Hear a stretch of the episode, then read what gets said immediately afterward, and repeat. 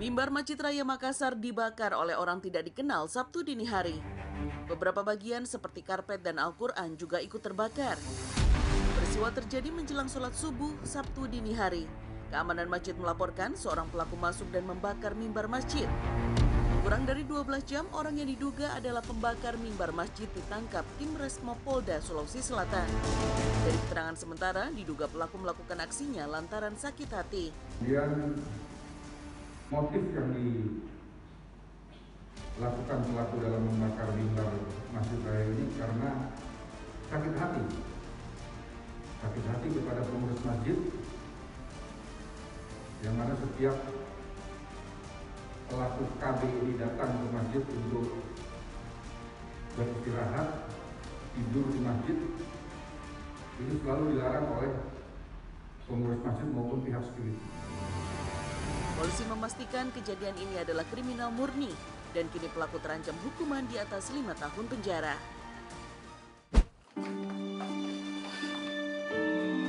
Isak tangis sejumlah orang tua pecah saat menjemput anak remaja mereka yang ditangkap aparat reserse kriminal Polsek Johar Baru, Jakarta Pusat, usai melakukan aksi tawuran. Meski akhirnya dibebaskan karena masih di bawah umur, kelima remaja tanggung ini diberi hukuman meminta maaf sambil membasuh kaki orang tua mereka. Nggak tahu saya tempat dia main. Ya saya dia sih pulang gitu Pak. Beneran saya nggak nyangka kayak gini. Saya sih sering nasihatin dia. Suka main emang anaknya main mulu. Nah ibu tahu anak ibu ditangkap ini tawuran dari siapa? Itu kakaknya ngomong tadi. Saya juga kaget Pak. Ya harus ngedidik yang bener lah Pak. Jangan sampai kayak gini lagi nanti kalau ini kebiasaan. Nabi Shallallahu Alaihi Wasallam bersabda, orang tua adalah pintu surga yang paling tengah. Terserah kamu telantarkan ia, apa kamu hendak menjaganya. Hadis riwayat Tirmizi. Aksi heroik sejumlah warga di Jember, Jawa Timur terekam kamera hingga viral di media sosial. Warga bahu-membahu menandu seorang perempuan yang hendak melahirkan, melintasi sungai dan jalanan terjal demi bisa sampai ke puskesmas.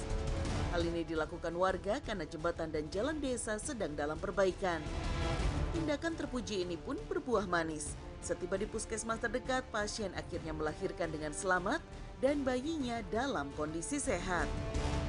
Rasul Shallallahu Alaihi Wasallam bersabda, Barang siapa yang membantu seorang muslim dalam suatu kesusahan di dunia, maka Allah akan menolongnya dalam kesusahan di hari kiamat. Dan barang siapa yang meringankan beban seorang muslim yang sedang kesulitan, maka Allah akan meringankan bebannya di dunia dan akhirat. Hadis riwayat Muslim.